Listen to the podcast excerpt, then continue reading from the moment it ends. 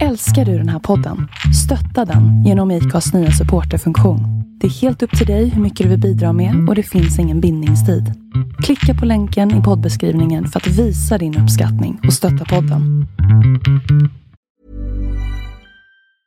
There's never been a faster or easier way to start your weight loss journey than with PlushCare. PlushCare accepts most insurance plans and gives you online access to board-certified physicians who can prescribe FDA-approved weight loss medications like Wigovi and Zepbound for those who qualify.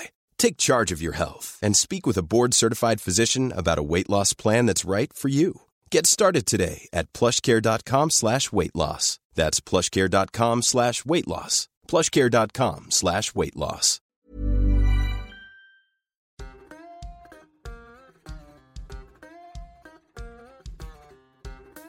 Han har varit med en gång förut. Han sitter i Övik och har blicken stinkt riktat, heter det stint? Strängt? Stadigt kanske det heter, riktad mot USA. Vi säger välkommen tillbaks till Vi måste prata till Ronny Berggren. Eh, tack så mycket. Tack Emil. Då kanske du blir den här poddens USA-korrespondent. Jag tror vi pratade om det i slutet av, av, av förra. Men du, det var ju nästan ett, det var ett år sedan vi pratade. Ja. Mm. Det har ju hänt en del sedan dess, måste jag, måste jag tillstå. Jag tänkte inledningsfrågan så här, United States, hur United är de där borta just nu? ja, nej men USA är inte så enat, utan det är stor splittring både mellan partierna, republikanerna och demokraterna, men det är också enorma splittringar i USA, alltså i kulturen och i mellan stad och landsbygd och mellan röda och eh, blåa delstater och nej, det är ett splittrat, splittrat land, tragiskt splittrat. Vad beror det på då? Eh, nej, det beror i grund och botten på alltså, den kulturfriktion som finns mellan eh, olika värderingssegment i USA. Jag menar, i, eh, på ena sidan har vi främst republikaner som har de klassiska amerikanska värderingarna. De tror på idén om familjer, de tror på idén om fungerande marknadsekonomi, de tror på det lokala civilsamhället, de tror på rätten att bära vapen under ansvar, eh, de tror på föräldrars rätt att uppfostra sina barn i enlighet med sin familjs värderingar. Och eh, där har vi den ena klassiska sidan av liksom, det amerikanska civilsamhället samhället. På den andra sidan har vi hyperindividualismen som främst är företrädd bland, inte, inte i alla segment av Demokraterna, men inom delar av det demokratiska partiet, alltså vanligt folk, som eh, går in i olika former av woke-kulturer, inte bara en kultur utan många olika kulturer och eh, eh, ja, det är en värdekonflikt i USA som är enorm. Hur skulle du definiera woke-kultur? För det där pratar du mycket om i din podd som vi ska säga som heter amerikanska nyhetsanalyser och kommer ut eh, hela tiden nästan. Det är flera tusen avsnitt. Eh, men definiera woke, vad, vad, är det för de som, som inte riktigt förstår? Ja, det borde jag kunna göra jättebra såklart och liksom, jag borde ha liksom ordboksdefinitionen, men det har jag inte. Men jag skulle säga att woke-kulturen, det är hela den här eh, postmoderna, eh, liksom anti-västkulturen som finns, där man vill bryta ner allt det här klassiska, det jag nyss har nämnt som, eh, som grunden i det amerikanska civilsamhället, familjer och liknande. I det här postmoderna finns kontrakulturer som är emot det och som vill stå upp för de här hyperindividualistiska olika ideologierna.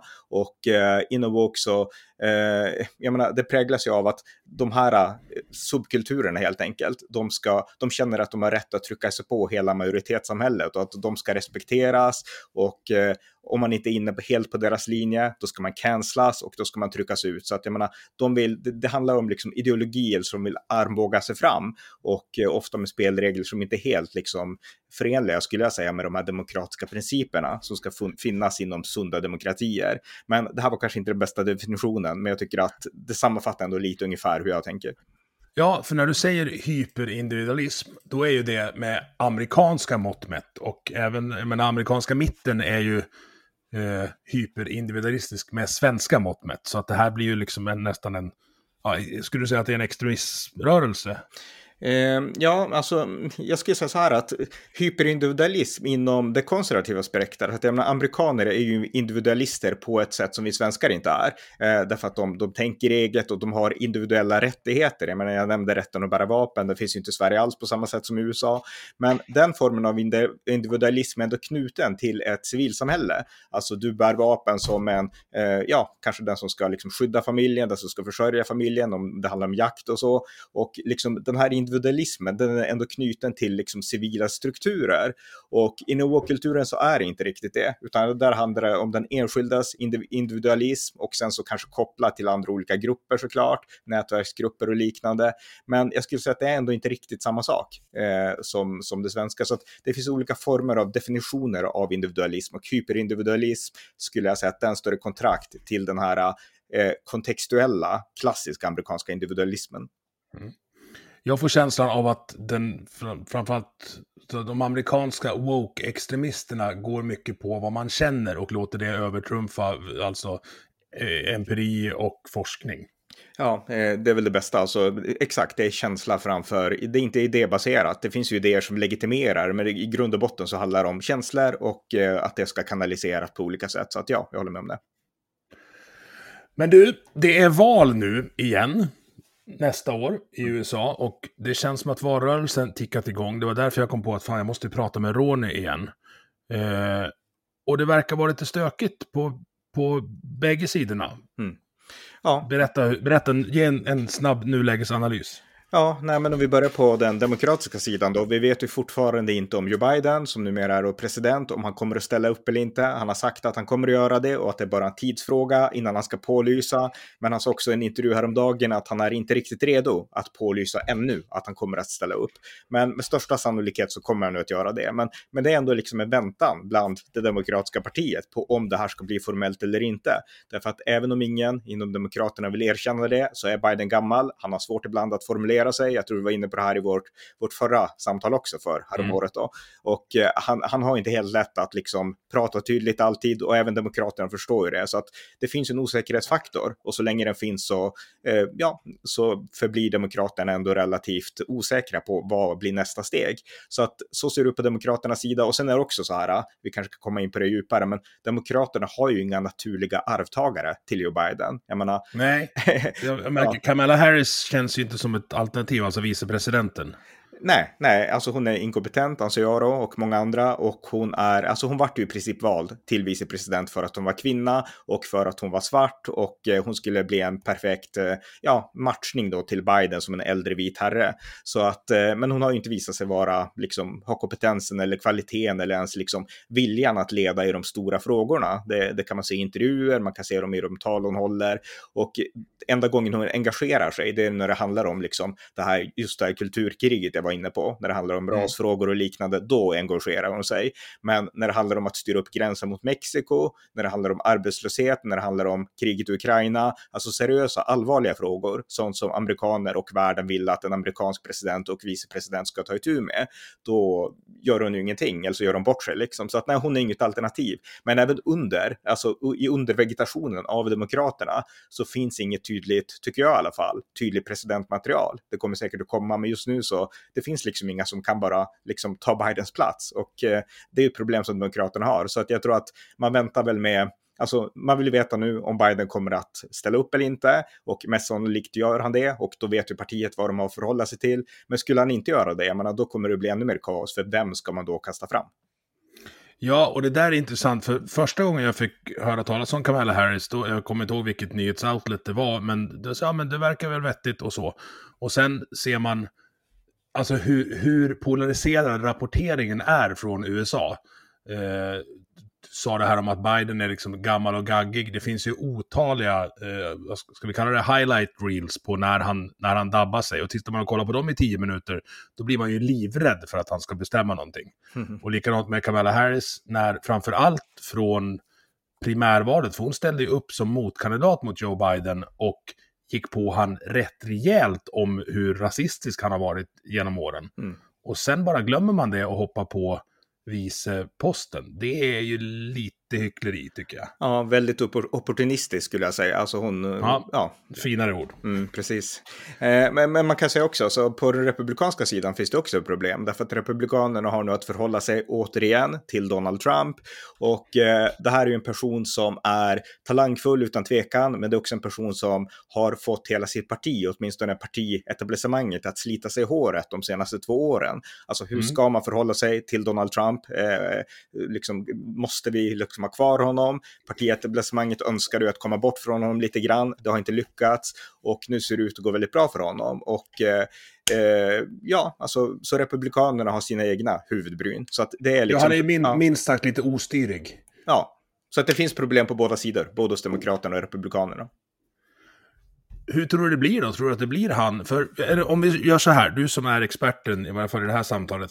Det är ju inte en helt linjär väg Eh, i den amerikanska valkampanjen. Det är nomineringar, primärval, debatter och så. Kan du sammanfatta hur det ser ut nu fram till valet 2024? Eh, ja, det är så här, alltså att kandidaterna väljer ju själva om de vill ställa upp eller inte. De nomineras ju inte av partiet, utan det är personerna som väljer om de vill kandidera eller inte till, till presidentkandidat. Och i det republikanska partiet just nu så var ju Trump den första som pålyste. Han gjorde det, jag tror att det var den 9 november redan förra året, extremt tidigt. Och eh, då fick han inte direkt så mycket gehör, därför att då hade det gått så otroligt dåligt i midterms, mellanårsvalen, för de republikanska kandidater då som Trump hade backat upp. Så att det var många som inte lyssnade på honom då. Och sen gjorde han några, han åkte i januari, så åkte han iväg till Iowa och de här tidiga primärvalsstaterna fick nästan ingen uppmärksamhet alls. Sen sa han att nu ska jag pålysa en jättestor sak och alla trodde att nu kommer något stort, nu slår han igenom. Och det han då ville pålysa det var att han skulle börja sälja spelkort med sig själv på. Liksom. Alltså, det var ingen grej som man tänkte att nu är det över. Nej, det, det är bland de konstigaste presskonferenserna någonsin. Ja, du minns det, du minns det, du minns det. Okay. Men så, några så här digitala NFT-kort. Och NFT kan jag säga att det kan ni googla på, för det fattar inte jag vad det är. Det, det är liksom äganderätten till en JPEG typ. Och det var, det var, någon har ju lurat han där, alltså det jag förstår inte. Det här är nästa sak efter bitcoin, du måste vara med på det här. Och så går han upp och bara typ, det ser ut som att han står och improviserar. Ja. Ja, nej, nej, precis. Och det var ju en total flopp. Och då tänkte man alltså att nu, nu är det över. Alltså nu är han lika rökt som Biden liksom. Alltså han, han är inte med i spelet längre. Men sen har ju allt det där ändrats väldigt snabbt. Så att han var den första att ge sig in. Och i, det här, i den här mellanfasen då, när man tänkte att nu är det kört för, för, för Trump, då hoppade ju Nikki Haley in. Hon är alltså tidigare FN-ambassadör under Trump. Hon tjänstgjorde under Trump. Så hon gav sig in i leken. Sen kom det en icke-person, en affärsman som heter Vivek Ramswamy, eh, en amerikan med indisk bakgrund, affärsman som också har gett sig in i det här äh, republikanska primärvalet. Och sen nu bara för, var en vecka sedan ungefär, så gav sig också Arkansas tidigare guvernör Asa Hutchinson in i det republikanska primärvalet. Så att det är fyra kandidater nu och Trump är utan tvekan den mest namnkända. Men eh, några till finns det. Eh, men mest troligt så, alltså som det ser ut nu så, så leder ju Trump överlägset i opinionen. Och så finns det också några vi väntar på. Alltså det stora, det stora snackisen de senaste månaderna, det har ju varit Floridas guvernör, Ron DeSantis mm. heter han, jättekänd. Och eh, han har inte gett sig in än, alltså han har inte officiellt pålyst att han ska kandidera. Men det är en person man väntar på också, kommer han ge sig in i leken eller inte? För de här andra, kanske möjligtvis med undantag för Nikki Haley, men inte heller hon verkar ha någon liksom större chans mot Trump. Så att den enda med en riktig, re, re, reell chans att kanske kunna besegra Trump i ett primärval, det är ju Ron DeSantis då. Så att vi väntar fortfarande på att han i sådana fall ska ge besked om vad han vill göra. Men just nu fyra personer i det republikanska primärvalet taktiken från DeSantis då, för som du säger, han känns ju som den enda som är i närheten av samma viktklass när det gäller både reach och wit och, och vad, man, vad man ska liksom kalla det. Han känns, när man, när man ser han, eh, vad ska jag säga, han känns som samma slags kastrull som Trump fast med lock. Förstår du vad jag menar? Att, att man ser att det kokar någonting där under, men han framför det inte, alltså han framför det med precision av en skalpell istället för en stenyxa. Du uttrycker det väldigt bra, jag håller med om det. Alltså, han är mycket mer alltså, finkalibrerad än vad Trump är och det är det som är hans styrka och han har ju lyckats utmärkt i Florida, Ron DeSantis. Han är lovordad i Florida och så. Och vi ska också säga nu att Trump bor ju numera i Florida, så att de är ju mm. från samma delstat i praktiken, även om Trump i grund och botten kom från New York. Så att det finns en viss rivalitet där nu mellan de här två. Och Ron DeSantis, när han blev guvernör, var det 2020 eller någonting? Nej, tidigare var det väl, men han fick ju uppbackning av Trump. Så att han är ju också i mångt och mycket mycket guvernör, Ron DeSantis, tack vare det stöd han har fått av Donald Trump. Så att mm. Trump anser väl också att det ska finnas en viss tacksamhet från Ron DeSantis sida. Men ja, Ron DeSantis har också försökt hålla sig borta lite grann från debatterna. Men eh, ja. Mm. Det skiljer ju lite i, i, i uh, ålder också där. Alltså DeSantis, han, han ser visserligen mycket vuxnare ut än vad jag är, men vi är ju typ lika gamla. Och både Trump och Biden är ju, alltså skulle Biden vilja, då kommer han vara 84 going på 85 när han är klar med nästa mandatperiod. Mm. Och det känns inte som att han kommer bli kvickare i varken steget eller huvudet. Men, men till, tillbaks till, till DeSantis versus Trump, för det där är, det är spännande. Jag tänker spelteoretiskt. Trump kan ju bara ha en mandatperiod till, för det får bara sitta två, två vänder som, som USAs president. Kan det vara mer taktiskt för DeSantis att backa undan så att vi inte behöver ha den här vad ska jag säga, det finns ett kinesiskt ordspråk, jag tror att det är kinesiskt, nu ska vi se, nu, nu kanske, jag, kanske jag blir cancellad här. Men eh, om två tigrar slåss, vet du vad du får då? Nej. Du får en tiger som är död och en som är nästan död. mm. Och risken är att, jag tänker att om de, här, om de här två går upp, för det kan bli dirty så kanske det inte är så mycket kvar ens av den som vinner. Det blir nog en pyrrusseger på riktigt. Mm. Eh, ja, alltså det är förmodligen så som kanske Ron DeSantis tänker nu, speciellt nu när det börjar gå bra för Trump i opinionen och att det kanske är därför då Ron DeSantis inte har pålyst någon presidentkandidatur, för han förstår, han anar att om Trump ger sig in då kommer det bli en sån här blodig fight och jag blir den, liksom, kanske till och med den döda tigern. Så att han tänker säkert så, Ron DeSantis, det är inte omöjligt. Men... Och han har det nog ganska bra i Florida också. Ja, definitivt. Jag menar, i Florida är han en hjälte. Skulle han ge sig in i en fight med Trump, då skulle han splittra de republikanska väljarna, även hemma i Florida. Och eh, ja, då kanske han inte skulle vara samma liksom kung som han nu är i Florida. Så att det är mycket möjligt. Så att det kan mycket väl hända att Ron DeSantis inte ger sig in i leken. Och speciellt inte nu när Trump bara de senaste veckorna har blivit så stark. Jag menar, jag såg en opinionsmätning från bara från för några dagar sedan och då ledde Trump med nästan 60 procent och Ron DeSantis hade varit 20 eller någonting. Jag ska se om jag hittar bilderna, men alltså det var en stor mm. skillnad. Och eh, ser man sådana opinionssiffror och heter Ron DeSantis, då inser man att det här kanske är, eh, ja, det här kanske är dödsdömt. Det är ingen vits att ge sig in i den här fighten. Nikki Haley då, är ju en av de som är mest profilerade i varje fall i den i det flödet jag har byggt upp. Mm. Men du tror inte att hon har en chans i alla fall? Hon är ju väldigt känd. Alltså, eh, jag hoppas, så här är också, jag vill säga det också, att jag hoppas ju att det ska bli en annan än Trump. Så att jag hade ju gärna hoppats på Nikki Haley eller Ron DeSantis. Eh, men i praktiken så nej, alltså jag tror inte det. är inte som det ser ut just nu. Därför att Trump har, han har ju behållit sina kärnväljare sedan valet 2020. De finns där, alltså stommen i det republikanska partiet är Trump-lojalister. Och det mm. var först efter midterms, nu är det den 8 november förra året, när det som sagt gick dåligt för Trumps kandidater, så man började se en splittring bland, bland de här. Och när de började säga att nej, men det är kanske är dags att titta efter någon annan. Ron DeSantis verkar bra och Trump han är för han är för splittrande och för burdus och så, så att vi tittar åt ett annat håll. Men nu har ju partiet återigen, gräsrötterna, enat sig bakom Trump. Så att nej, jag tror inte att eh, Nikki Haley till exempel kan, kan bryta igenom där. Det, det ser väldigt svårt ut faktiskt. Sen kan vad som helst hända, men som det ser ut nu så nej. Jag vill stanna lite där, för du, du är ju den den svensk som har profilerats mest som Trump-supporter. Eh, men du, vill, du hoppas inte på han i nästa val. Berätta. Eh, ja, så jag har nog profilerats mest för att jag har varit en konsekvent Trump-supporter, men det finns ju många andra som också stöder Trump. Men, men eh, nej, det vill jag inte. Och orsakerna till det, det beror egentligen på att jag anser att Trump, dels eh, problem, problematiken, både med att han drev de här valfuskteorierna, Eh, 2020 och eh, i början av 2021 då. Och sen det som då kulminerade i stormningen av Kapitolium och eh, där Trump utan tvekan var ansvarig för att ha samlat de där och att driva på ett spel som helt enkelt var felaktigt. Och jag har ju skrivit en lång artikel på, på min blogg som heter Sagan om kraken, Trumps valfuskkonspirationer debunkade, typ en 60-sidors artikel som jag skrev mm. 2021 då. Så att jag är kritisk till honom av de anledningarna och det har vi sett på Trump nu, det är att det är en person som som han, han lyssnar till de röster han vill höra. Alltså de som säger saker som han vill höra, de lyssnar han till och sen så sållar han bort allt annat. Och det är ingen bra egenskap. Så att jag tycker att, att det vore bra med någon annan som kan driva Trumps frågor, för de drev han ju väldigt bra. Jag håller med Trump i liksom det mesta han har gjort som president, men med en lite mjukare och ödmjukare personlighet. Så därför mm. hade jag hoppats då på till exempel då eh, Ron DeSantis. Men jag ska också säga att nu förändras ju även den uppsättning, laguppsättning som han skulle kunna få inför en ny administration. Därför att när han blev president 2016, då hade han med sig ändå ganska många klassiska republikaner.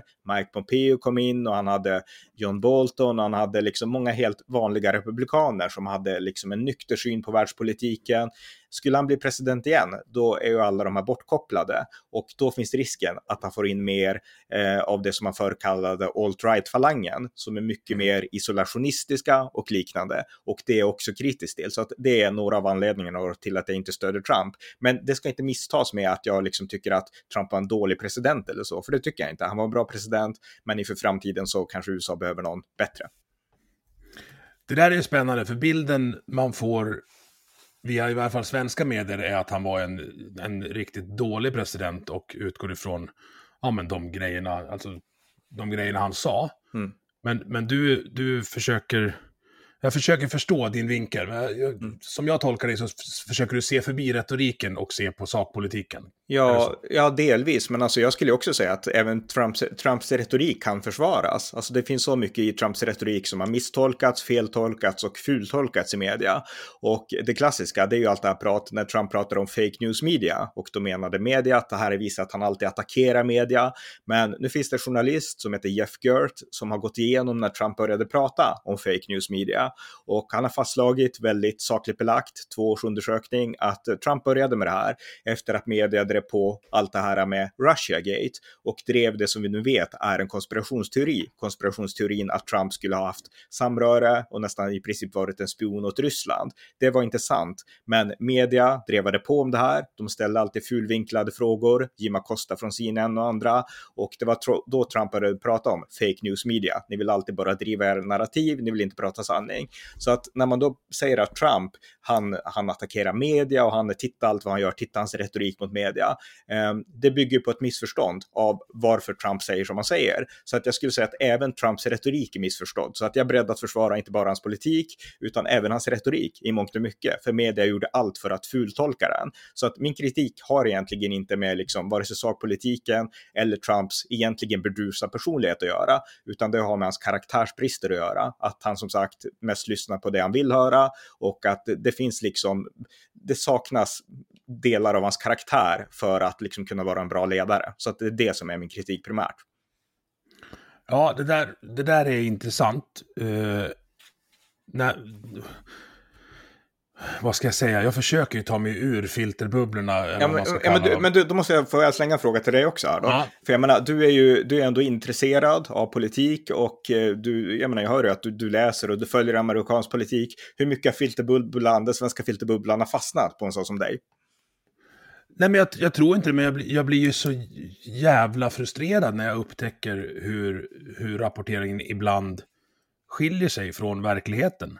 Och då är, det, då är det inte så att jag liksom går till de tokigaste eh, källorna i USA heller, utan det är så här mainstream media, men som har ett tydligt liksom höger, högerkant. Ja, men så här, säg Fox, eh, Louder Reed Crowder, Dave Rubin, eh, och sen smyger jag liksom med Young Turks och, och MSNBC också och försöker bilda mig en egen uppfattning. Men det gör ju inte folk. Och inte, inte media heller i Sverige. Utan det Nej, och jag menar bara det faktum att det vart inget krig under de här fyra åren är ju en ganska bra grej. Eh, ja, precis. Eh, sen, sen, ska man inte tolka det alldeles för långt heller, därför att jag, en sak som jag ser som är problematisk med om Trump skulle bli president nu, eh, det är ju att han förmodligen skulle gå för långt i synen på att vi måste förhindra alla krig och det skulle i praktiken kunna göra att han blir mjuk mot Ryssland och kanske även mjuk mot Kina, även om retoriken från hans håll är ganska tuff mot Kina. Men mm. när det kommer till att, att det kanske bränns så kanske inte han är redo att låta USA ha den här ledarrollen som USA alltid haft. Så det är en sak som oroar mig. Så att jag tror att bästa sättet att motverka krig, det är att vara tydlig med att vi är en stark militär och vi kommer att agera om våra fiender gör något som är hotfullt. Och mm. eh, jag är inte helt säker på att Trump är inne på den linjen längre på samma sätt. Tror du att Putin hade vågat gå in i Ukraina ifall Trump hade vunnit? Eh, Trump? Ja, Trump själv menar ju att det inte skulle ha hänt. Eh, jag personligen för egen del, jag är inte säker på det, därför att jag tror att eh, Putins, eh, Putins planer helt enkelt, det bygger på idéer som Putin har närt och som har växt upp i hans tankevärld i mer än 20 års tid. Alltså idén om att dels att det var en tragedi att Berlinmuren föll, att Sovjetunionen upplöstes, men också idén om att alla de här tidigare ryska sfärerna, det är fortfarande en del av liksom Ryssland på ett sätt och då i mm. synnerhet Ukraina. Så jag tror att jag tror inte att det hade spelat någon roll om Trump hade varit president eller Biden. De här idéerna, de växer och närs hos Putin oavsett vem som styr USA. Så att nej, jag tror faktiskt inte att det hade gjort någon skillnad. Det finns ju en stor, en av de största debatterna i USA är ju hur mycket man ska eller inte ska stödja Ukraina i den här konflikten. Hur, hur ser du på den? Ja, den finns och eh, den finns ju i båda partier ska sägas. Även hos mm. Demokraterna. Mm. Nu ser vi administrationen Biden att han är väldigt tydlig med att vi ska stödja Ukraina nästan till varje pris. Eh, men även inom Demokraterna finns en växande, och man kan kalla dem då antikrigsfalang, som tycker att vi har egna problem i USA som vi ska lägga pengarna på och vi kan inte fortsätta ge vapen till Ukraina för tänk om det blir tredje världskrig. De rösterna finns även inom Demokraterna. Men de rösterna har också växt inom Republikanerna och eh, det är väl de rösterna som jag som anser då att USA bör stödja Ukraina. Eh, det är väl det som jag är lite oroad för ska liksom få starkare fäste om Trump blir president. Och jag skulle också säga så här att det är inte så här att partierna tänker konsekvent, utan en orsak till att republikanerna nu är så mycket emot eh, kriget i Ukraina eller det stöd som USA ger, det beror på att det här görs av Biden och man är emot Biden och därför är man emot liksom, insatsen i Ukraina. När det var tvärtom, alltså till exempel krigen i Irak och Afghanistan som leddes av republikanerna, förvisso en annan falang än dagens Trump-republikaner, men över republikanerna likväl då var det så att demokraterna var mer emot. De var emot liksom Irak och de drogs ur Irak sen. Afghanistan var de relativt emot och Biden drog ur Afghanistan. Så att jag menar, partierna här har gjort krigspolitik partipolitisk och jag tycker att det är extremt farligt. Alltså nationen måste ha en krigspolitik som går bortom partipolitiken, men det har de inte, utan när det är en demokrat som har inlett ett krig så blir republikanerna skeptiska. När en republikansk har inlett ett krig, då blir demokraterna skeptiska. Så att jag menar, även den här kulturpolariseringen som jag pratade om i inledningen, den syns till och med i krigspolitiken och jag tycker att det är otroligt oroväckande. Så att eh, det finns problem även här på båda sidor. Ja, och eh, skillnaden mellan Ukraina och, ska vi säga det senaste då, Afghanistan, där ju tillbakadragandet blev en katastrof, rakt, rakt utsatt, eh, är ju att Ukraina är ju mer västland än vad Afghanistan är. Så om man intervenerar där och hjälper dem att vinna så finns det en större chans att det, det ska bli bättre. Även fast den, den är inte gigantisk den chansen. För eh, också en underrapporterad sak är väl hur korrupt Ukraina var innan konflikten. Mm. Det pratar man inte om. Nej, jag håller med om det. Alltså den korruptionen finns, men jag vet inte om man behöver prata om det, för faktum är att Ukraina är ungefär i samma stadium, kanske lite bättre, jag vet inte, jag kan inte bedöma det, som egentligen alla östländer var direkt efter mm. murens fall. Alltså, eh, vi får komma ihåg att alla länder, från Ungern till Polen till, eh, till liksom, eh, Estland, Lettland och Litauen och alla östländer egentligen, de hade stor korruption efter murens fall, därför att kommunismen mm. odlar korruption, allt liksom bygger på korruption i kommunistiska system. Så att de fick ägna 10, 15, 20 års tid åt att liksom sanera, åt att etablera ett tydligt marknadssystem, att få bort de korrupta liksom, politikerna, inte minst socialdemokrater. Och, eh, så att jag menar, det har varit ett långt, hårt arbete för stora delar av Östeuropa att rensa upp här. Men alla har lyckats i princip i mer eller mindre utsträckning. Alltså Östeuropa idag är ju högfungerande och nu kan vi mm. snarare säga att problemen kommer till väst. Men, men eh, Ukraina har inte riktigt kommit dit då. Men jag menar, om vi ska titta på hur det har gått för de andra länderna i Östeuropa så har det gått bra eh, relativt sett. Så att eh, vi, vi liksom att använda det argumentet mot Ukraina, det tycker jag är lite felaktigt. Utan jag tror nej, nej, nej, jag använder, använder det inte mot, utan jag tänker bara att det, man, man har det i beaktning också, mm. var mm. i processen de är. För den, ska vi kalla det demokratiseringen och, och korruptionsstädningen, den går inte att skynda på. Den måste liksom få, få ske organiskt, för det är nog stökare de systemen. Eh, det är lite som att spela försvunna diamanter. Jag brukar jämföra livet med det ibland också. Att, att du kan inte vara bra på att spela försvunna diamanter. Du kan bara låta bli att vara dålig och låta, låta det ha sin gång. Ja, det är möjligt. Men, men jag tror också att eh, när det gäller Ukraina så tror jag att kriget, det har ju skapat så mycket patriotism i Ukraina. Att nu finns det förmodligen en mer sammanslipad befolkning, garanterat än det fanns förr innan kriget, som vill att deras land ska fungera. Och bara det i sig skapar ju en kultur och en mentalitet som i sig motverkar korruption. Sen kommer ju ingenting att fungera på en dag såklart, men, men eh, alltså vad är alternativet? Att på grund av att Ukraina är korrupt, liksom lämna över landet till Putin? Det är ju inget alternativ. Nej. Nej, och du är ju som, som alla hör påläst inte bara om USA, men om vi stannar i Ukraina ett tag. Hur ser du att den konflikten kan lösas? Eh, ja, jag tillhör ju de här eh, hökakter och som anser att vi ska stödja Ukraina tills Ryssland är utdrivna. Så att det är ju det också som gör att jag är lite skeptisk, skeptisk till Trump då för att göra en avstickare. För han är ju mer inne på att nu måste vi förhandla, annars blir det tredje världskrig. Jag anser att vi måste vara tuffa eh, i förhållande till Ryssland så hårt och så länge som möjligt tills ryssarna är utdrivna.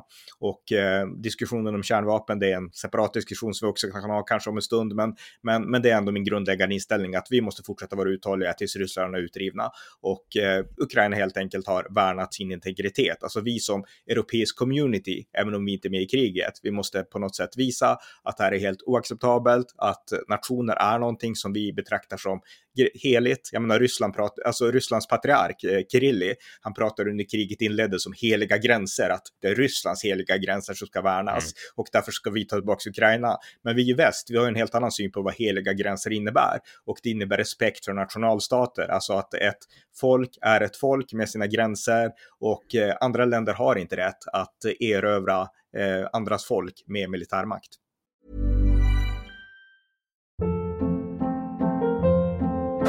Hold up. What was that? Boring. No flavor. That was as bad as those leftovers you ate all week. Kiki Palmer here, and it's time to say hello to something fresh and guilt-free. Hello Fresh. Jazz up dinner with pecan-crusted chicken or garlic butter shrimp scampi. Now that's music to my mouth. Hello Fresh. Let's get this dinner party started. Discover all the delicious possibilities at hellofresh.com. One size fits all seemed like a good idea for clothes. Nice dress. Uh, it's a it's a t-shirt. Until you tried it on. Same goes for your healthcare. That's why United Healthcare offers a variety of flexible, budget-friendly coverage for medical, vision, dental, and more. So whether you're between jobs, coming off a parent's plan, or even missed open enrollment, you can find the plan that fits you best. Find out more about United Healthcare coverage at uh1.com. That's uh1.com. Och om gränser inte försvaras, då är de ju inte värd någonting. Nej, så också, precis. Så jag tror också att det, det jag blir lite skeptisk till folk som säger, nu säger jag inte att du säger att man ska absolut inte ska förhandla någonting med Ryssland. Någon form av förhandling kommer det bli på slutet, men den förhandlingen ska ju vara hur man hanterar gränsen mm. när de är tillbakaputtade över den. Mm. Ja, alltså förhandlingar har ju alltid, liksom, förhandlingarna tar ju alltid utgångspunkt i hur situationen på slagfältet ser ut, alltså i det militära ja. styrkeförhållandet. Så att jag menar, absolut, någon gång kommer det väl bli någon slags förhandling, men den ska bygga på att Ukraina inte gör eftergifter, alltså åtminstone inte att de gör mer eftergifter än de är tvingade till. Och där ligger det på oss i väst. Alltså om vi fortsätter stödja Ukraina, då har de en god chans att inte behöva ge eftergifter och därför ska vi fortsätta stödja. Vi ska liksom inte eh, vad säger man, artificiellt liksom påtvinga någon slags fred som inte bygger på något annat än det styrkeförhållande som finns och den styrka som vi också kan erbjuda Ukraina. Så att det är väl lite så jag ser det då. Så att, men visst, mm. någon gång så kommer det att samtalas, det, det tror jag.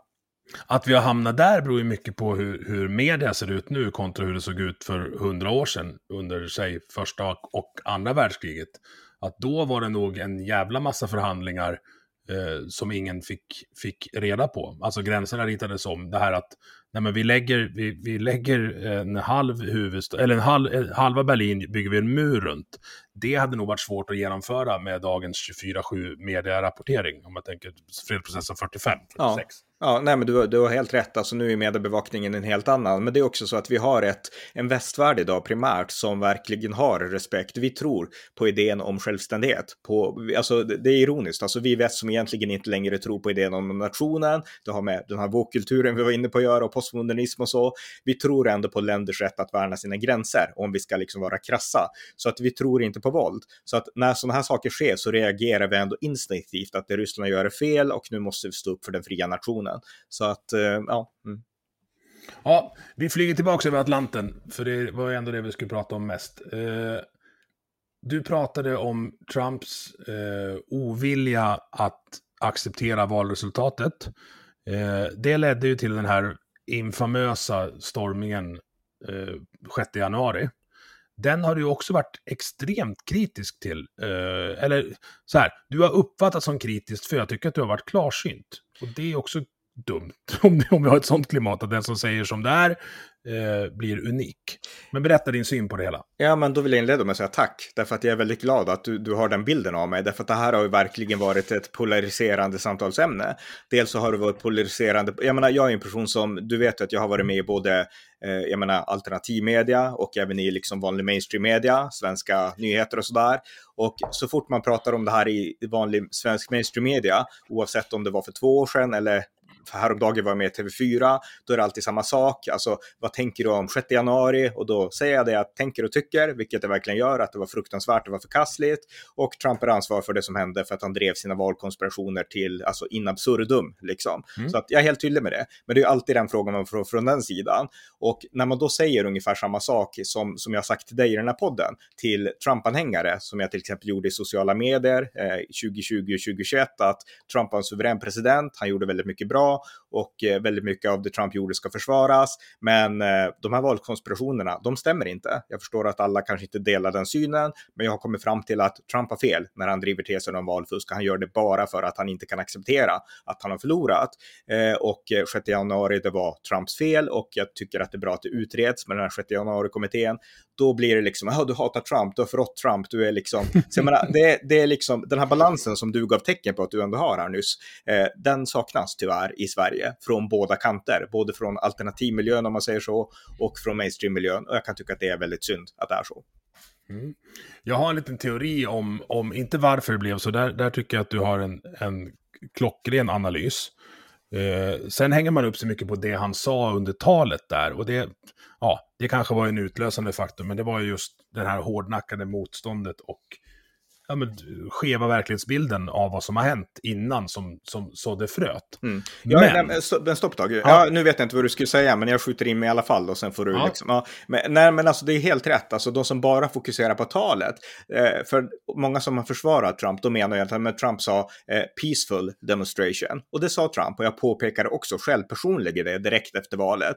Och jag intervjuades av SVT den 7 januari, eller jag tror dagen efter liksom stormningen i alla fall, någon dag därefter, jag tror det var den 7. Och då sa jag också att Trump är fredfull och alla Trumps event är alltid fredliga och Trump står inte för våld, sa jag i SVT. Och det står jag för helt och hållet fortfarande. Så att det som skedde den 6 januari, det berodde inte på att Trump uppmanade till våld, men det var en konsekvens av att Trump ändå hade äggat upp massan till att mm. tänka felaktigt. Och sen, Precis. Ja, mm. det, var det, det var det jag försökte få fram. Oh, okay. Eh, men sen tror jag också att, att många som satt hemma och kollade på det här, eh, har röstat på Trump för att de förstod att han kommer in i, och han sa ju det också, han skulle drain the swamp är ju en tydlig anti-etablissemangs eh, inställning. Och jag, jag upplever, och nu får du säga om jag har fel, för nu är jag ute och bara, bara analyserar själv. Eh, jag tror att avståndet mellan de som bor i, eh, ska vi säga flyover states, eller ja, nu är det inte, inte eh, vad ska jag säga, det är inte bara där man röstar på Trump, men alltså de som bor och känner sig, känner att avståndet till Washington är långt, de kanske inte ville ha så mycket sakpolitik, utan de bara tänkte att nu ska vi ha in någon här som kan stöka runt lite. Eh, och de ja. var nog inte superledsna över att det hände som det hände den 6 januari, tänker jag. Eh, kanske, men, men jag tror alltså om man bara håller med realpolitiskt, alltså det är ändå så här att i grund och botten så har vi två partier i USA, Republikanerna och Demokraterna. Republikanerna är, även innan Trump, ett mycket mer verklighetstillvänt parti än vad Demokraterna är. Demokraterna idag, vi använde tidigare att Biden är en äldre man och att det inte finns något tydligt ledarskap direkt under.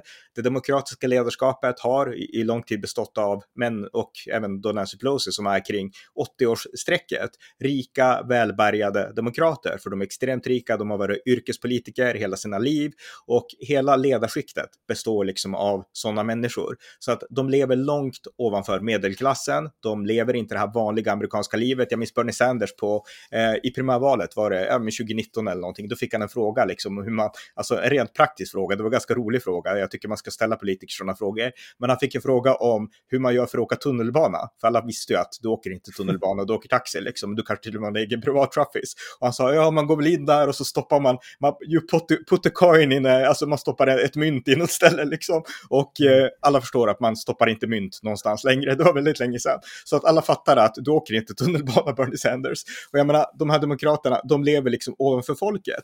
Och de snappar inte upp liksom verklighetens folk, deras utmaningar med arbetslöshet, med liksom kriminalitet, med laglöshet på gatorna, med hemlöshet, med osäkerhet, med liksom vanliga villkor, säkerhetspolitiken vid gränsen, föräldrars oro för sina barn. Det snappar demokraterna inte upp. Och det är bara republikanerna som gör det. Och när Trump kandiderade, då hade han dels med sig det, jag menar 2016 pratar vi om nu, då hade han dels med sig det att jag vet att många av er föräldrar som lever på gränsen mot Mexiko, ni har fått se era barn dödas av gängmedlemmar, ni är oroliga, jag tar er på allvar. Så att han snappar upp verklighetens folk på ett helt annat sätt än demokraterna har gjort. Jag menar, det, mm. det är liksom, det, är liksom, det var därför folk stödde Trump. Det var inte bara för att de ville att han skulle röra om i grytan eller sådana saker, utan det var därför att han, precis som det republikanska partiet, förstår verklighetens människor. Demokraterna gör inte det. Så att jag tycker att det är en viktig poäng att få fram när man diskuterar varför folk valde Trump. Och det är också en poäng som jag tycker att man missar hela tiden i den svenska analysen av Trump mm. och av republikanerna. Jag säger inte emot dig där uh, alls, men jag tänker också att avståndet som jag, som jag försökte beskriva innan mellan de som tar konsekvenserna av besluten och de som tar besluten blir ju annorlunda i USA i och med att det är en, en liksom federation av stater. Och jag tror att många skulle kunna tänka sig att ha Trump som president, men de skulle inte vilja ha honom som guvernör. För att då blir det för nära. Eh, den tanken har jag inte tänkt, men det, det är mycket möjligt, kanske. Ja, ser, då fick, fick jag prova något nytt på det. Ja. kan, du, kan du fundera på, så får vi lyssna på, på det amerikanska nyhetsanalyser. Men vi, vi går tillbaks till mina frågor här. Nu har jag tappat bort dem. Det är dumt, jävla proffs man är. Eh, jo, det dök ju upp nya filmer inifrån eh, 6 januari. Tack Karlsson var ute och beredde på eh, ganska rejält om att ja, men det här var inte så farligt i alla fall. Och det har ju ytterligare bidragit till polariseringen, att vissa tycker att de här filmerna visar att nej men det var väl ingen som var dum här, medan andra tycker att det är väldigt selektivt valt vilka, vilka klipp man, man var. Vad är din analys av, av det, nya bevisläget? Det verkar eh, inte som att det fått dig att ändra åsikt i alla fall. Nej, nej, men alltså jag anser inte att det kommer något nytt alls ut. Jag anser att Tucker Carlson har klippt och klistrat, eller han spelar upp alltså helheten, men han, han har klippt bort snarare de problematiska sidorna i de här, eh, i de här individerna, den här shamanen till exempel och många andra problematiken, våldet som hände och liksom det trubbel som ändå ställdes till inne på Kapitolium, det har han klippt bort och han har gett saker en helt ny kontext. Och mm. Tucker Carlson utgår egentligen inte från det vi redan visste. För jag menar, jag hängde med hela dagen i live-feeds den 6 januari. Jag intervjuade en journalist på plats, eh, Brendan Gutenschwager. Han var inne, det var han som filmade skjutningen av Ashley Babbitt. Han har intervjuat flera gånger. Så att jag menar, jag fick direkt koll vad som hände inne i Kapitolium samma dag och dagarna därefter. Så att jag har väldigt god koll och en väldigt liksom, bra bild på det här. Och när jag sen då hängde hängde med när det började släppas ännu fler filmer. Man kunde se väldigt mycket redan samma dag, för många filmade och bara livestreamade direkt, vanligt folk som var där. Men när det sen började komma ut ännu fler saker från den här äh, 6 januari-utredningen som tillsattes, som var partisk förvisso, men det som sades där, det bekräftade egentligen saker som jag själv hade sett bara dagarna efter och samma dag egentligen. Och jag nämnde den artikel som jag skrivit då, Sagan om kraken, Trumps valfuskteorier debunkade. Den publicerade jag den 10 januari 2021 och mycket av den här 6 januari-utredningen då som pågick mer än ett år efter Eh, de bekräftade egentligen bara saker som jag själv hade iakttagit. Och vad Tucker Carlson gör däremot, det är att han utgår från mainstream mediabilden i USA. Därför att där fanns det en mainstream mediabild som bara visade det våldsamma, häng Mike Pence och att, alltså där visade man bara det mest extrema. Så det Tucker Carlson gör, det är att han går i polemik mot MSM-bilden i USA och säger mm. att titta, de har fidat det med att det var våldsamt, men titta här, här är en vakt som öppnar en grind, här är den här Jacob Chensley, eller vad han heter, den här shamanen, här är han fredlig, det här är den sanna bilden. Så att han går egentligen inte i polemik mot den faktiska verkligheten, för verkligheten var att det var fredligt, delvis, men det var också väldigt våldsamt.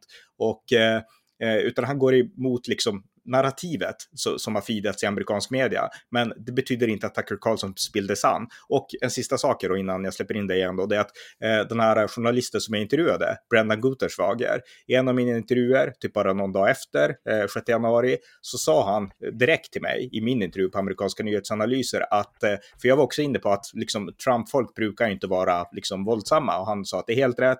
På vissa ställen var det helt fredligt, men på andra ställen så var det totalt våld ungefär. Så att det fanns båda sidor beroende på var man befann sig i Kapitolium och vid vilken tidpunkt. Så att vill man hitta filmmaterial som man sen vill trolla med, då kan man få det man själv känner att man vill förmedla. Men sanningen är att eh, det fanns våldsamheter här och eh, det Tucker gör det är att han, han skapar bara sitt narrativ. Han gör likadant som MSN, fast från sitt håll. Och eh, jag tycker inte att det är riktigt hederligt. Nej, från, från någon av sidorna. Nu försvarar jag ingen av dem. Men... Nej, nej, precis. Och det, och det nej, ju... inte, inte från någon av sidorna. Inte av, inte av Tucker och inte av MSN. Nej, och det finns ju, alltså det är ju inte bara en kamera inne på Kapitolium. Det finns ju tusentals timmar med fotografi. Mm. Så att det är klart att man kan, kan klippa ut en halvtimme med det som stöder, stöder ens eget narrativ. Ja, men får, får jag skjuta in en sista sak här också? Jag menar, ja, ja. just den här saken, den har ju funnits i den här debatten vi pratar om, om svensk, eh, svensk om vi hoppar till Sverige och hur man själv i Sverige har bevakat det här.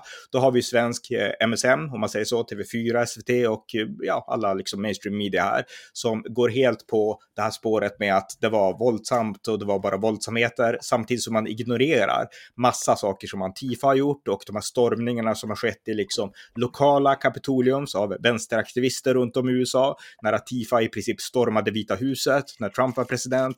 Det ignoreras ju helt av MSM i Sverige. Och sen så har vi också de här då på Trump-sidan då i Sverige, som läser amerikanska nyheter, precis som du och jag gör, och inser att media rapporterar inte sakligt och de tolkar det som att allt Trump säger är sant och allt, liksom, om det händer någonting dåligt från den republikanska sidan, då är det fake news och liksom, så jag menar, man gräver ner sig i två olika skyttegravar istället för att mm. bara försöka se nyanserat och hitta sanningen. Och jag tycker att det är synd och eh, eftersom jag bor i Sverige då, så tycker jag verkligen att svensk media måste läxa upp sig. Man kan inte liksom fastna i den här, alltså man måste kunna börja se nyktert. Alltså även om om man inte håller med, kanske en politiker, så måste man kunna betrakta honom ärligt, den personen ärligt. Och det görs alldeles för sällan även här i Sverige. Senaste Trump-nyheterna eh, spelar in lite på det du säger där. Nu är han åtalad av en New York-åklagare. Eh, vad händer? Eh, ja, det är New York-åklagaren Alvin Bragg och bara för att jag ska komma ihåg och fortsätta med det här sen, det är ju det, är det här som har gjort att Trump har fått ett uppsving skulle jag säga, det här åtalet ja. då. Så att Alvin Bragg då, han är distriktsåklagare för Manhattan, han valdes in 2021 och han valdes då in i, i sann liksom woke-anda som den första svarta distriktsåklagaren från Manhattan.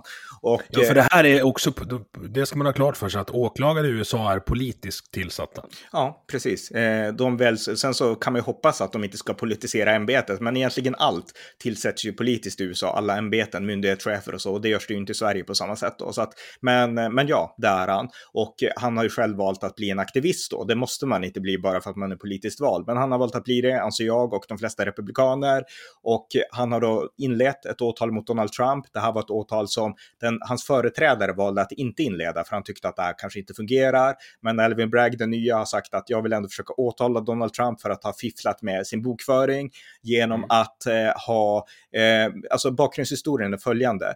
Det finns ett rykte om att Trump hade en sexaffär med en eh, ja, ja, med tidigare porraktris som heter Stormy Daniels och det här var ju 15, alltså 20 år sedan affären skedde då. Men i samband med presidentvalet 2016 så ville Trump göra allt för att det inte skulle komma ut och då betalade han det som kallas hush money till Stormy Daniels, alltså ett tystnads, eh, tystnadspengar ungefär. Och mm. det är helt lagligt i USA, det får man göra. Och eh, eh, det finns liksom inget fel i det. Så att det den här åklagaren försöker göra, det är att få det till att det här bokfördes på fel sätt. Eh, det är bara det att sådana här saker bokför man inte korrekt. Alltså man, man säger inte att jag betalade pengar till en prostituerad för att hon inte skulle avslöja att vi hade haft en affär. Det gör man liksom inte och alla vet att man inte gör så. Och när det kommer till affärer, alltså sexskandaler i USA, så är det här en lång historia av liksom olika presidenter och politiker som har haft den ena och den andra affären. Så att det här är verkligen ingen grej. Och eh, de republikanska kritikerna menar också att han tar sig extremt mycket vatten över huvudet därför att hans enda, enda liksom juridiska distrikt, den åklagaren, det är New York.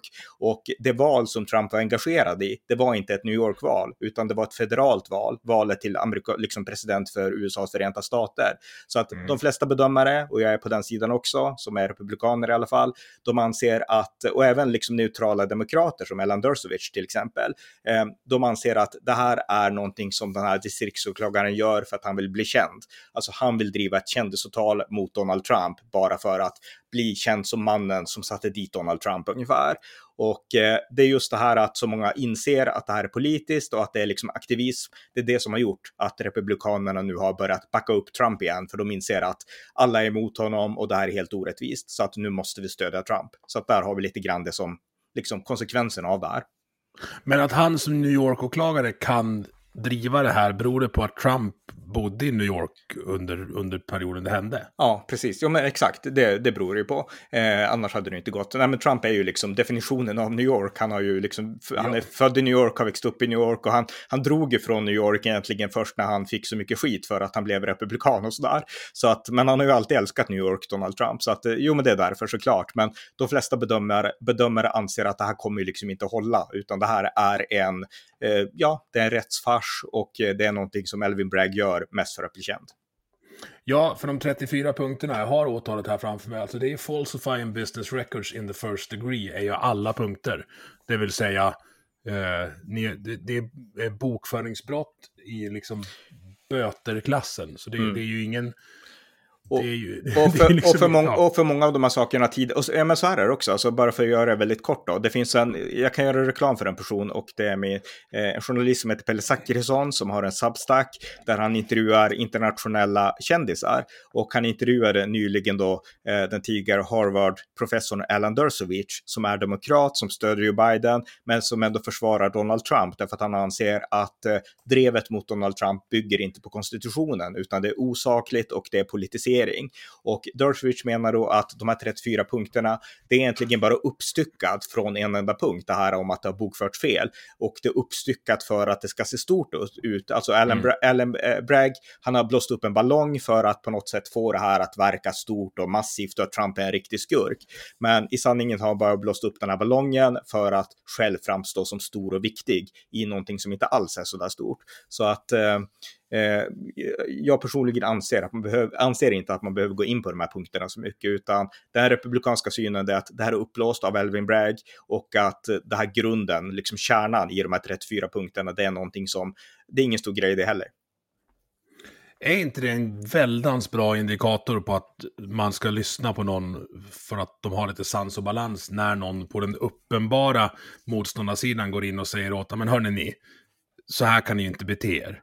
Men lite, lite som du gör nu med när du säger att ja, men det var Trump-supporter, men du påpekar en del fel han gör. Det är ju receptet mot polarisering. Ja, jättebra poäng. Otroligt bra poäng. Det är exakt det vi behöver. Alltså att när människor från en viss kant kan vara självkritiska. Det betyder inte att man liksom hugger någon i ryggen och bara liksom vänder vinden efter kappan. Absolut inte. Men där man på något sätt försöker hålla sanningen som liksom rättesnöre oavsett om, om det liksom gynnar eller missgynnar sin egen sida. Det är det som behövs. Och eh, där har ju liksom den här eh, Harvard Law-professorn Alan Dershowitz, han har den balansen, han har den integriteten och han sa själv också att det är väldigt svårt för att jag bor i New York och jag har förlorat alla mina vänner, för de vill inte ha det så, utan de vill driva ett narrativ och liksom häxjakten på Donald Trump. Och från republikanernas sida så är det ju ofta samma sak, alltså man vill driva på stenhårt mot Joe Biden, mot hans son och mot allt som har med Biden att göra liksom. Så att mm. man är liksom, man är väldigt tunnelseende beroende från vilken sida man står på då. Och motgiftet mot det och mot polariseringen, det är att liksom kunna ha den här balansen och, och så. Så att absolut, det är helt rätt recept. Du berättade att Trump lämnade New York eh, och drog till Florida. Det där är ju något som, vad jag förstår, pågår på flera olika fronter i USA. Att folk lämnar demokratiska stater för republikanska stater. Ja, eh, och eh, då kanske inte alltid av samma anledning som Trump. Men, nej, nej, nej, det är, men, men ja. flykten, flykten pågår. Jag tänker på, det var någon som, ja. som visade, jag hittade något klipp från San Francisco, hur det ser ut på gatorna där. Mm. Och det kanske man borde rapportera mer om ja. i, i svensk media. För det, ja. är, inga, det är inga, inga vackra syner just nu. Nej, men i Kalifornien. Verkligen, alltså det, här är helt underrapporterat i Sverige och det här för oss återigen eh, tillbaka till liksom verklighetens parti, Republikanerna och verklighetens folk kontra de här subkulturerna. Det, för det som händer i San Francisco och på stora delar av västkusten i USA, men även i alla storstäder, många storstäder, det är att hemlösa finns överallt på gatorna, missbrukare, psykiskt sjuka, de har helt tagit över de offentliga utrymmena.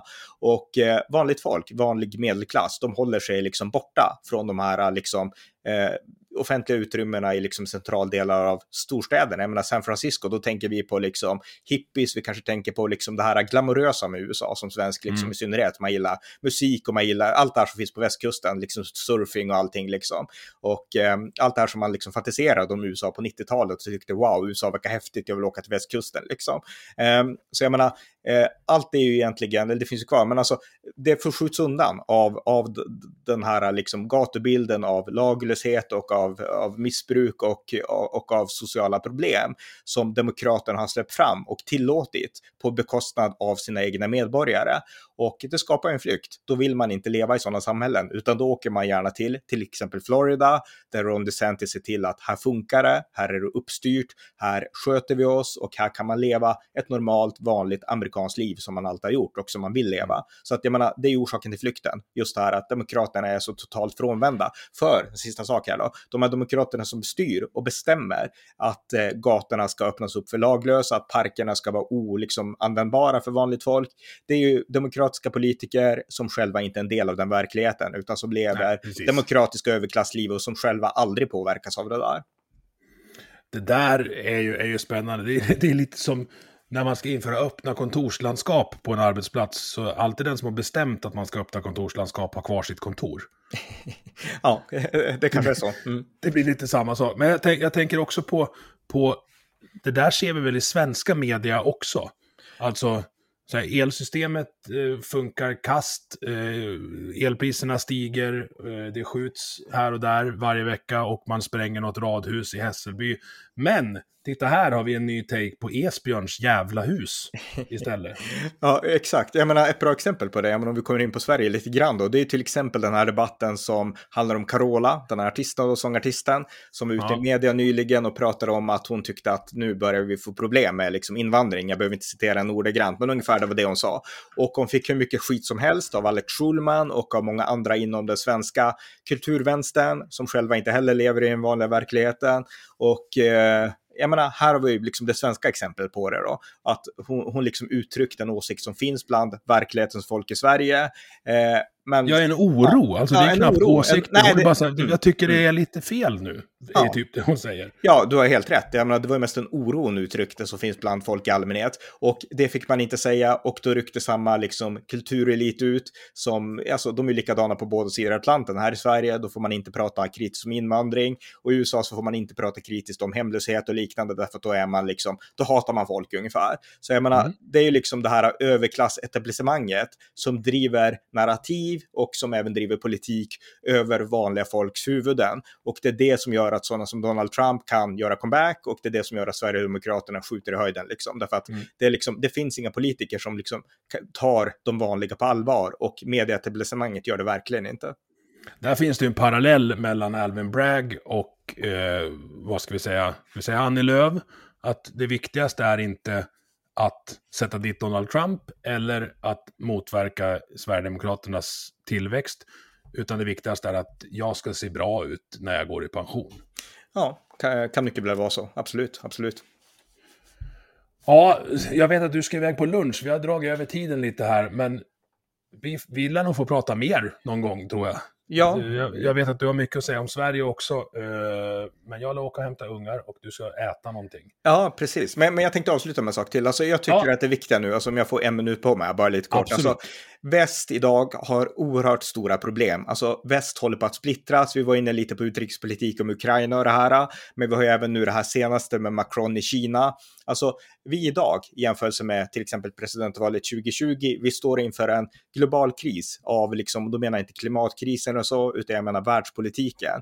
Vi har ett Ryssland nu som bedriver ett krig i Europa. Det här är helt unikt. Det har liksom, vi kan inte glömma att det här är, det har inte skett sedan andra världskriget, det som nu sker. Och enda Nej. orsaken till att vi inte är mer oroade än vi är, det beror på att vi liksom har fått Ryssland att köra fast Ukraina. Och det har vi ju lyckats med tack vare att vi har gett Ukraina stöd. Annars hade Ryssland tagit Ukraina. Så att genom att stödja Ukraina har vi skyddat oss själva. Men sen har vi också Kina som försöker liksom använda det här, den här svaga luckan för att själv utbreda sin makt i Asien. Vi har militant mm. islam som fortsätter att avancera. Så att västs stora uppgift just nu, det är att stå enade, att liksom stå enade mellan Europa och USA och mellan olika politiska fraktioner, enade för vår egen trygghet och vår egen säkerhet i de stora frågorna.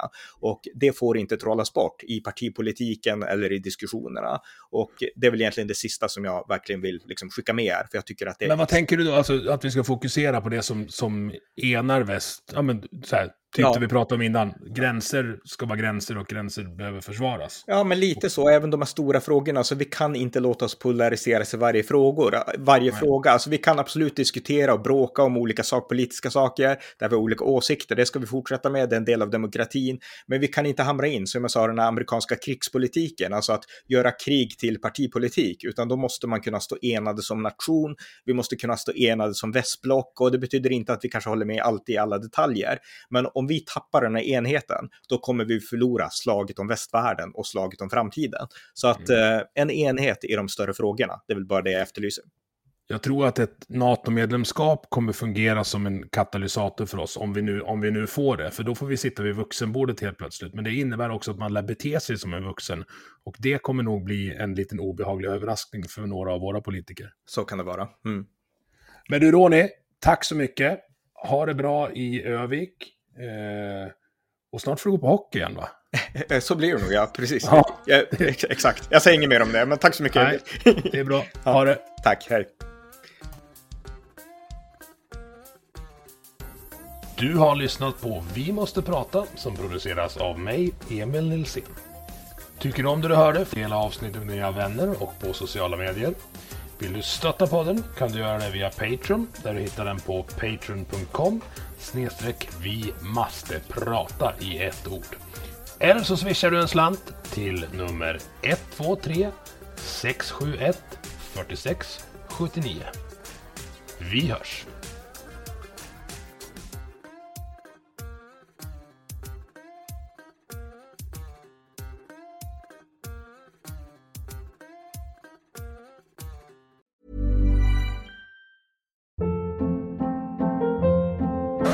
Hold up. What was that? Boring. No flavor. That was as bad as those leftovers you ate all week. Kiki Palmer here, and it's time to say hello to something fresh and guilt-free. Hello Fresh. Jazz up dinner with pecan-crusted chicken or garlic butter shrimp scampi. Now that's music to my mouth. Hello Fresh. Let's get this dinner party started. Discover all the delicious possibilities at hellofresh.com.